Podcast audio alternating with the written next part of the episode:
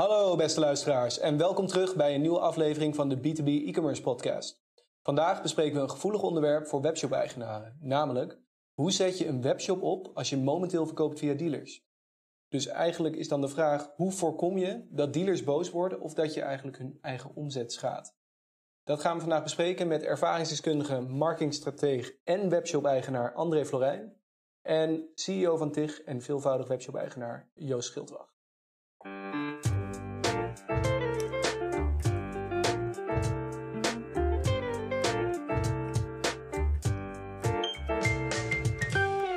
Welkom heren. Dank jullie wel voor jullie aanwezigheid. Ik ben heel benieuwd om meer te horen over het onderwerp. Uh, om maar gelijk met de eerste vraag uh, te beginnen, uh, zou ik die graag aan André richten. Zoals ik zei, ervaringsdeskundige. ik ben ook benieuwd of je dat nog een beetje kan toelichten.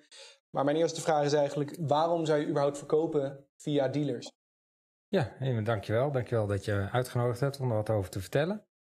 Waarom zou je verkopen via dealers? Hè? Het gaat om, uh, in dit geval om fabrikanten die uh, zelf producten produceren en uh, een dealerkanaal in kunnen zetten om een, een producten te verkopen. Dat kan offline, dat kan online. En in dit geval zou je ervoor kiezen om het online te gaan doen. Dealers hebben zelf vaak al een bestaande klantkring. En als je als fabrikant de doelgroep direct wil bereiken, kost het veel marketing- en salesinspanningen. En via een dealernetwerk uh, kan je uh, een grotere markt uh, gemakkelijker bereiken. omdat de dealers al bestaande kanalen hebben en bestaande klanten hebben. Oké, duidelijk. Dat lijkt me een goede argumentatie om inderdaad wel via dealers te gaan verkopen. Ja, ik noemde het eerder al ervaringsdeskundige. Ik um, ben eigenlijk wel benieuwd, wat zijn jouw ervaringen er zelf in? Ja, ik heb uh, eigenlijk vanuit meerdere kanten ervaring erin. Vanuit de bureauzijde uh, meerdere uh, webshops mogen ontwikkelen en opzetten en mee helpen denken in de marketingstrategie. Daarin ook eigenlijk van scratch af aan een aantal webshop opgezet op het gebied van partnering. Dus samen met bestaande winkels, e-commerce omgevingen opgezet. En daarin gepartnerd op basis van de toegevoegde waarde die je daarin met elkaar hebt. 1 plus 1 is 3 zeggen ze wel eens. Nou, als je dan uh, in elkaar elkaars kracht zet, dan uh, kan je online uh, mooie resultaten bereiken. Met eigenlijk bestaande winkels ook online platform geven. En zo extra omzet te genereren. En dat heb ik gedaan voor eigenlijk in de, in de, in de retail het gebied van automaterialen. ook op het gebied van ondermode, badmode, lingerie. En momenteel doe ik dat op het gebied van meubilair in, in en om het huis. En met name meubilaire step om design, print dat is wat ik op dit moment doe. Oké, okay, duidelijk. Dus je verkoopt dan ja, verschillende sectoren noem je al. En je verkoopt op dit moment meubilair, tuin- en huismeubilair. Uh, en op, uh, even kijken voor de goede orde. Op dit moment verkoop je dat via dealers alleen of ook een combinatie van? Nee, op dit moment dat is webshop uh, only. Dus ja. alleen via e-commerce. Dat is ook waar mijn, waar mijn achtergrond zit en mijn, en mijn kracht zit. Dus dat is voor mij een goede manier om op die manier ehm, die producten goed aan de man te kunnen brengen. En ik ken daarin de, de kanalen. Als je de kanalen goed kent en, en je de marketingcampagnes op een goede manier opzet, kan je ook goed je, je doelgroep uh, benaderen. Duidelijk. En dan ben ik alleen wel benieuwd van, is er, heb je ook een overweging gehad toen je hiermee startte om überhaupt ook nog uh, dealers hiervoor te uh, gebruiken? Ja, ja, ja uh, in dit geval gaat het om lokale trots op je, op je stad. Dus dat je een opdruk van, van je stad kan bestellen op meubilair. Denk aan schilderijen zou kunnen, maar denk ook aan, aan, aan kussens op, op je bankstel of op een deurmat of wat dan ook. En dan zou je kunnen kiezen om, lokaal in zee te gaan met een partij die dat uh, offline uh, verkoopt en daarin ook al een, een bepaalde doelgroep heeft. Er zijn zo'n uh, ehm, 80 steden in Nederland die meer dan, ik geloof, 50.000 inwoners hebben. Dus je kan wel uh, nagaan als je dat via een dealernetwerk op wil zetten, dan heb je daarvoor een lange adem nodig. Dus is het eerst het idee om dat via het online kanaal te doen. En eventueel op termijn wel het offline kanaal te betrekken, omdat je daarin wel extra toegevoegde waarde kan hebben. Dus er zijn wel stappen voor te nemen, maar eigenlijk neem je dan andersom waarin je dat niet uh, dat gaat. Mm -hmm. En in welke situaties heb je, heb je wel te maken gehad dat je eerst met, aan dealers via dealers verkocht en daarna de overstap overwoog? Wat ik tegengekomen ben in de markt ook, verschillende eh, voorbeelden heb ik meegemaakt van fabrikanten die uh, daar meer of minder mee, mee worstelden hoe ze dat uh, goed konden doen fabrikanten die heel erg goed met de dealernetwerken optrokken en, en keken van wat is nou onze toegevoegde waarde, wat is de toegevoegde waarde van, van de dealers, hoe kunnen we onze, onze markt goed bedienen. Ook in de lokale verdeling tussen, tussen dealers daarin. En je ziet ook fabrikanten die rechtstreeks gaan verkopen zonder overleg met dealers. Ja, dan heb je natuurlijk bepaalde risico's, kan je voorstellen, bijvoorbeeld cannibalisering. het is zaak om goed, goed dat van tevoren te bedenken van welke impact kan het hebben, welke risico's kan het hebben. Dus welke strategische opties heb je? En hoe kan je dat zo goed mogelijk met dealers organiseren samen? Oké, dat is sowieso heel interessant, André. Um, waar ik nog wel heel benieuwd naar ben, dat is een vraag die bij mij opkomt. Is we hebben het recent uh, in de podcast ook gehad over het verkopen via bol.com of via Amazon of andere marketplaces. Moet ik een, het verkopen via bol.com ook zien als een dealer? Nou, misschien niet als een dealer, eh, maar wel als een extra verkoopkanaal. Bol.com, Amazon, dat zijn natuurlijk uh, ontzettend opkomende platformen. Je kan uh, zeggen, daar doen wij niet aan mee. Je kan ook erover nadenken, hoe kunnen we hiervan profiteren? Als, als, als fabrikant zijnde, ehm, eventueel samen opgaan met je dealers daarin, in, in die strategie.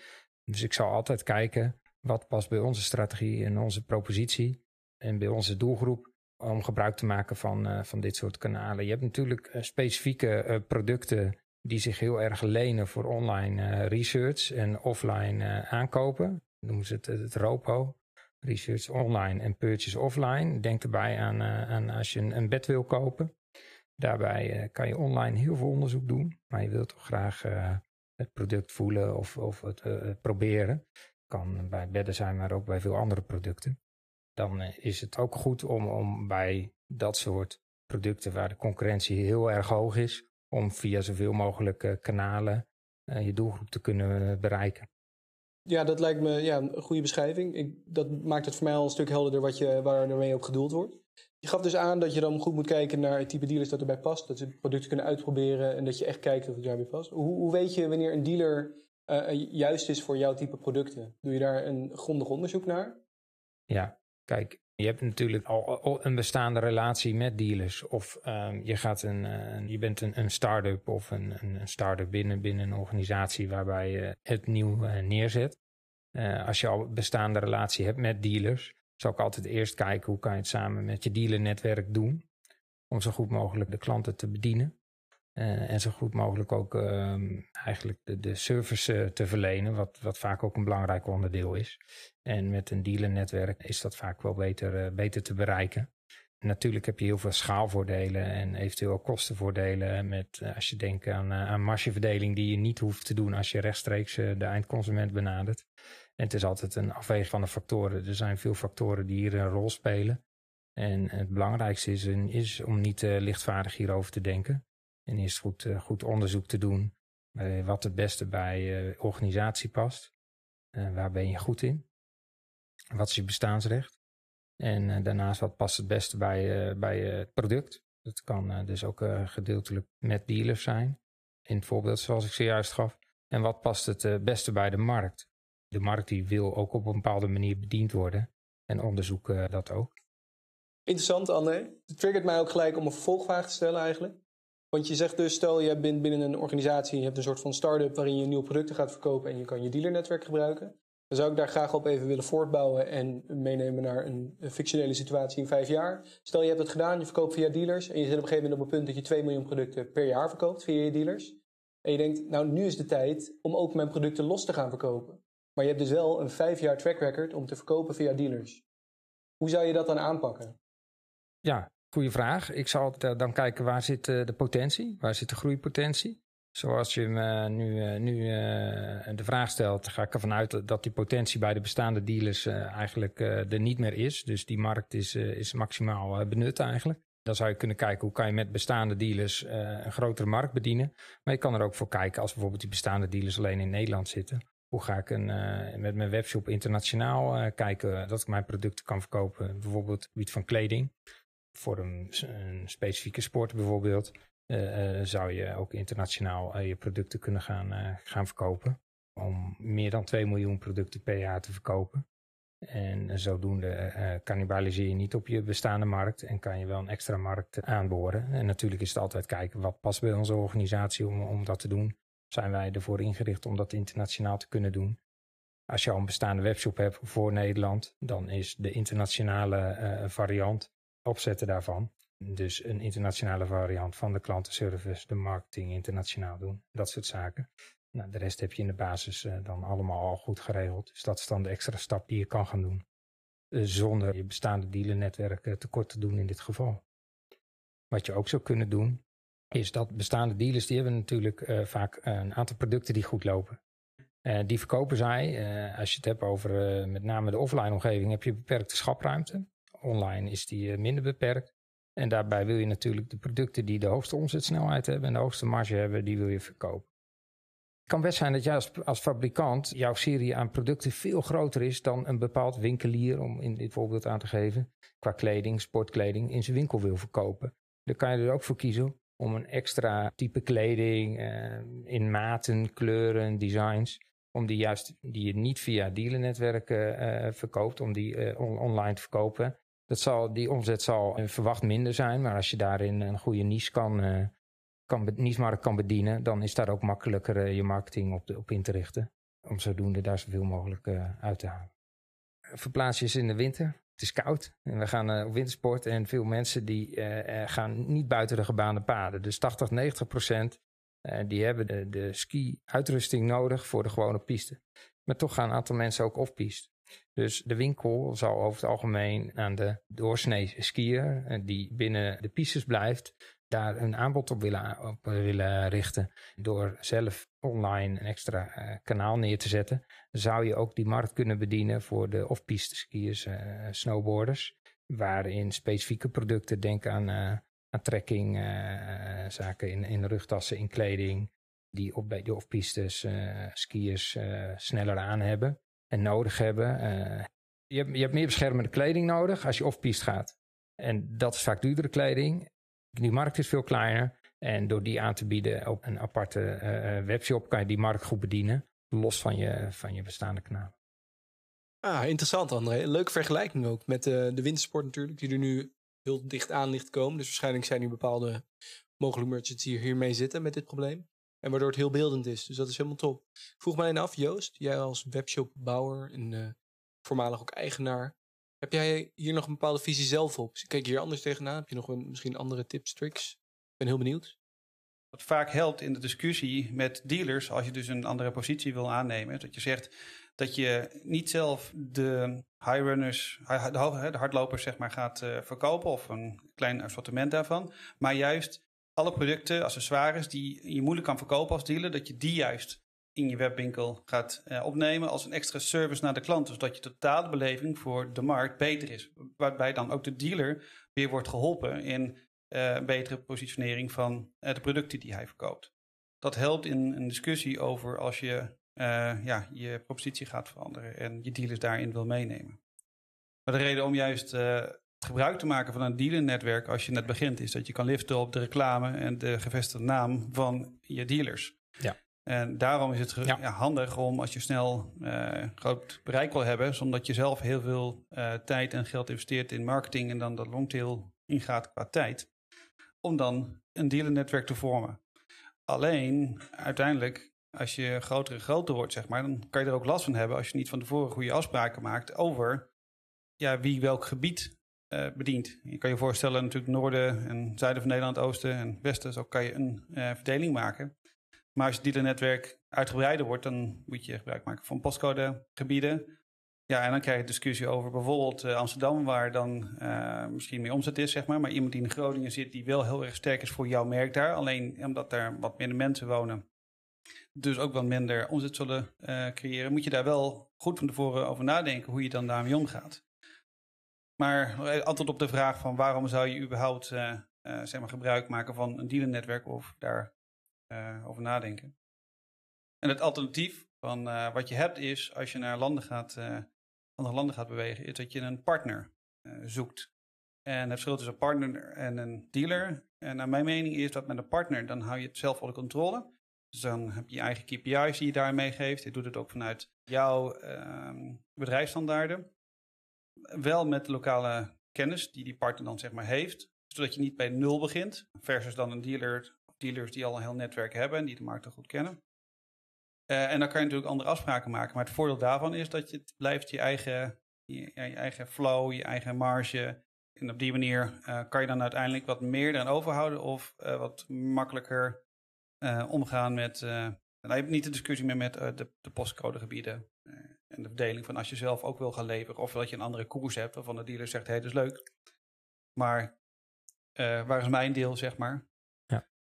En soms kan het ook. Ehm, kan je ook gedwongen worden om hierover na te denken, omdat marges zoveel onder druk staan. De globalisering van de, van de economie. Ja. Uh, marges komen steeds meer onder druk te staan. De markt wordt transparanter. Uh, dat was vroeger het adagie van Google ook, cut the middleman. dus dan, dan hou je zelf meer, meer marge over. Als het, de marges zodanig onder druk komen te staan, dat je als fabrikant de, de eindconsument moet gaan bedienen, dan is het heel goed om, om daar goed onderzoek op te doen. En dat als strategische optie mee te nemen. Ja. Ja, waarvan je van tevoren dus moet rekening houden dat als jij een bestaand dealernetwerk hebt opgebouwd, dat ze in eerste instantie niet blij zullen zijn als jij zelf ook je eigen verkoopkanaal direct aan de consument of aan ja. uh, het andere bedrijf, B2B zeg maar, gaat aanbieden. Ja, er zijn best wel uh, veel manieren te bedenken op het gebied van marketing, ook om, om, om gezamenlijk op te gaan trekken. Uh, denk daarbij aan, aan, aan loyalty campagnes. Dat je samen met dealers optrekt als je een product verkoopt en ehm, je kan iets met extra korting voor de volgende keer uh, aanbieden. Of uh, je kan vragen om, om mensen een mening te geven over je product. En, en waardoor zij ook weer feedback krijgen hoe ze dat beter kunnen gebruiken. Of dat de service verbeterd wordt. En daar kan je ook met de dealer uh, mee samenwerken. Zodat je samen die klant beter bedient en die klant ook bij jou, bij jou terugkomt. En de dealer zou bijvoorbeeld een andere dienstverlening kunnen cross- en upsellen bij die klant. Dan heb je allebei meer, haal je meer uit de, de potentie. Ik ben ook geïnteresseerd, maar ik weet niet of dat dan jullie dat ook hebben. Als ik dan vraag van oké, stel je verkoopt zo goed, maar je wil een hogere marge halen. Wat doe je dan? Of is dat een kwalijk onderwerp? Dat is een strategische optie. Want dan ga je, gewoon, dan ga je als fabrikant bedenken in hoeverre is de dealernetwerk voor mij van toegevoegde waarde. Mm als jij dealernetwerken uh, niet nodig hebt om hetzelfde resultaat te bereiken. Kijk, waarom doen we het zoals, zoals we het altijd deden? En, en de markt is veranderd. En de concurrentie die beweegt ook met de markt mee. Moeten wij ook met die markt mee bewegen? Ja, het voordeel is dus als je zelf een, een webshop opzet uh, zonder dealers, dat je zelf vol in controle bent over de kwaliteit van je dienstverlening, van je klantenservice, van je marketing hoe je huisstijl uh, goed gebruikt wordt. Je marketingafdeling is zelf helemaal in controle om dat te doen. Daarbij ben je zelf, heb je alle invloed op, op, op de kwaliteit daarvan. Als ik nu jou zou vragen, je hebt nu een webshop gestart zonder gebruik te maken van dealers. Wanneer raad je het aan om met dealers te samenwerken? En wat zijn de grootste nadelen en overwegingen om mee te nemen om wel of niet met een dealer samen te werken? En een van de dingen is als je in een uh, markt zit die heel erg sterk verandert, ook uh, qua uh, legalization, zeg maar. Dus dat je moet weten wat op dat moment speelt in de markt. -hmm. Dus je kan je voorstellen dat als je het hebt over spullen die, het, die de militaire eenheid gebruikt, zoiets zeg maar. Ja. Dan wil je dus wel gebruik maken van de dealers die al een naam hebben, die al alle certificaten hebben. en die ook weten op het moment dat er een nieuwe wet wordt aangenomen in dat land, dat, wat dat betekent voor dan dat product. Want dat kan je niet vanuit bijvoorbeeld Zweden, stel je daar je hoofdkantoor hebben en je zou gaan leveren aan de hele wereld, allemaal uh, bijhouden. Dat kost je heel erg veel tijd. Dus dan kan je beter werken met de lokale gevestigde dealers die daar al zitten. En die dus ook al een hele lange reputatie hebben opgedaan bij defensie zeg maar, van dat land. Of bij douane of bij een vliegbasis of iets ja. Dus als de markt specifieke omstandigheden zijn. Of wet en regelgeving van een bepaalde regio of een bepaald land. Uh, kan het juist heel erg veel toegevoegde waarde zijn om met een dealernetwerk uh, te werken, zodat je het zelf niet allemaal hoeft op te zetten, maar gebruik kan maken van de, de kennis en ervaring die, die er al is. Ja, dat zou in ieder geval een reden zijn waarom je nog steeds in dat geval echt je dealernetwerk moet gaan gebruiken. Omdat je anders 50 jaar verder bent, wil je een soortgelijke positie daarin hebben. Ja. Het verschil met 16 jaar geleden zou dan nog zijn dat voorheen had je een dealernetwerk nodig, want je kon niet iedereen in Noord-Nederland of Zuid-Nederland kennen binnen een afzienbare tijd. Nu, omdat jij noemt het een meer transparantere markt, zeg maar, is het zo dat je natuurlijk via Instagram uh, en alle andere sociale media veel sneller uh, ook die mensen bereikt in het noorden en het zuiden. En daar ook meer kan creëren en daar ambassadeurs van kan maken. Ja. Dus dat op een goede manier doet. Waardoor uh, de vraag over een dealernetwerk ja, meer een strategische keuze is. Nou, precies. Die, die, die, die, die vraag die verandert. Hè? Uh, waar je vroeger echt die dealers nodig had om je doelgroep te bereiken, mm kan nu de vraag in één keer heel anders zijn. Waarom heb ik mijn dealernetwerk nog nodig? Wat, wat bieden zij nou als toegevoegde waarde? En dat is de veranderende markt. Dat vraagt ook dealers en de retail om heel erg over hun toegevoegde waarde na te denken. Niet alleen omdat ik in, uh, in een plaats in Oost-Groningen zit puur daarom, dat is mijn bestaansrecht. Want dat bestaansrecht valt nu eigenlijk weg. Want die fabrikant kan zelf die mensen in Oost-Groningen ook bedienen.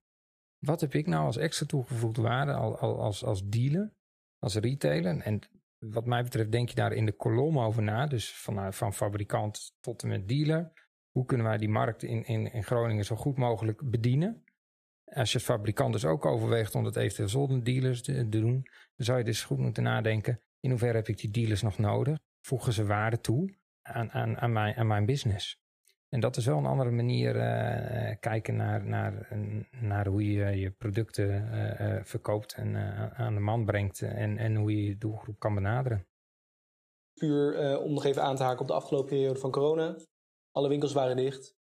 Heb, hebben jullie het zien gebeuren dat mensen opeens de stap gingen maken om hun eigen producten via een webshop te verkopen?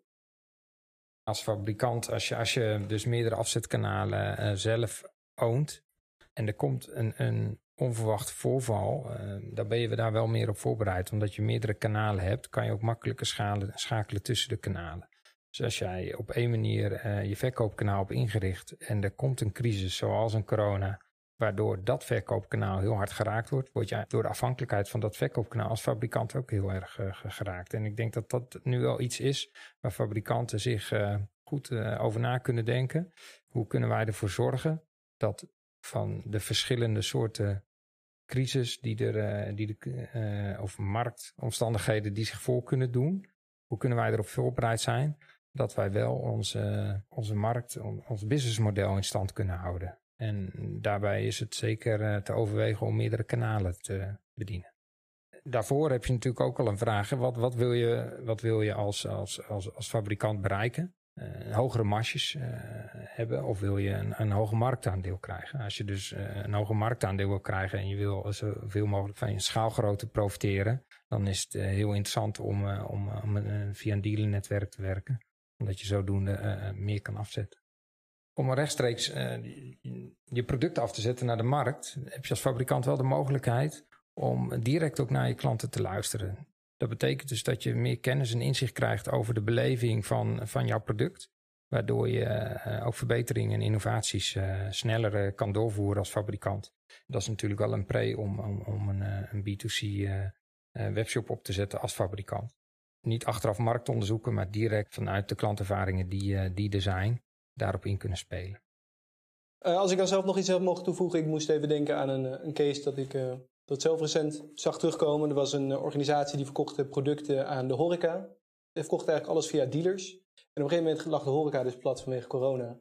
En wat zij dus moesten doen, en dat is ook een van de aanleidingen waarom ik dit onderwerp zo interessant vond, dat zij opeens een switch wouden maken om direct aan mensen te verkopen. Want mensen waren thuis en mensen wouden misschien zelf thuis de kokservaring hebben. Maar ja, dat is natuurlijk niet zomaar gedaan zij hebben toen heel hard overwogen om maar direct aan de consument te verkopen. Ja, van daaruit is natuurlijk, snapte ik de hele afweging. En ik heb met jullie verhaal, jullie beide inzichten bij elkaar, heb ik daar ook een beter beeld van, van wat voor een overweging moet je maken. Uh, wanneer neem je die beslissing wel, wanneer neem je die beslissing niet. En wat neem je mee en wat neem je niet mee. Vorige, de coronacrisis is natuurlijk wel een hele aparte situatie. Maar alsnog zijn de overwegingen die ik van jullie hoor interessant om mee te nemen. En wanneer begin je nou? En wanneer begin je niet met een dealer en wanneer doe je het zelf. En ik denk dat dat ook hele nuttige informatie is voor degenen die uh, vandaag deze podcast hebben geluisterd. Dus dankjewel André voor alle inzichten vanuit jou. Ja, graag gedaan. Ik hoop uh, dat jij en uh, vooral de luisteraars er wat aan hebben natuurlijk. Nou, ik denk zeker dat ze er wel wat aan hebben. Er zijn heel veel handvaten die je hebt meegegeven, dus dat is top. En ook Joost bedankt voor je inzichten vanuit natuurlijk de bureaukant. Dank voor het luisteren. Elke week publiceren wij een nieuwe B2B e-commerce podcast op onder andere Spotify, Apple Podcast en Google Podcast.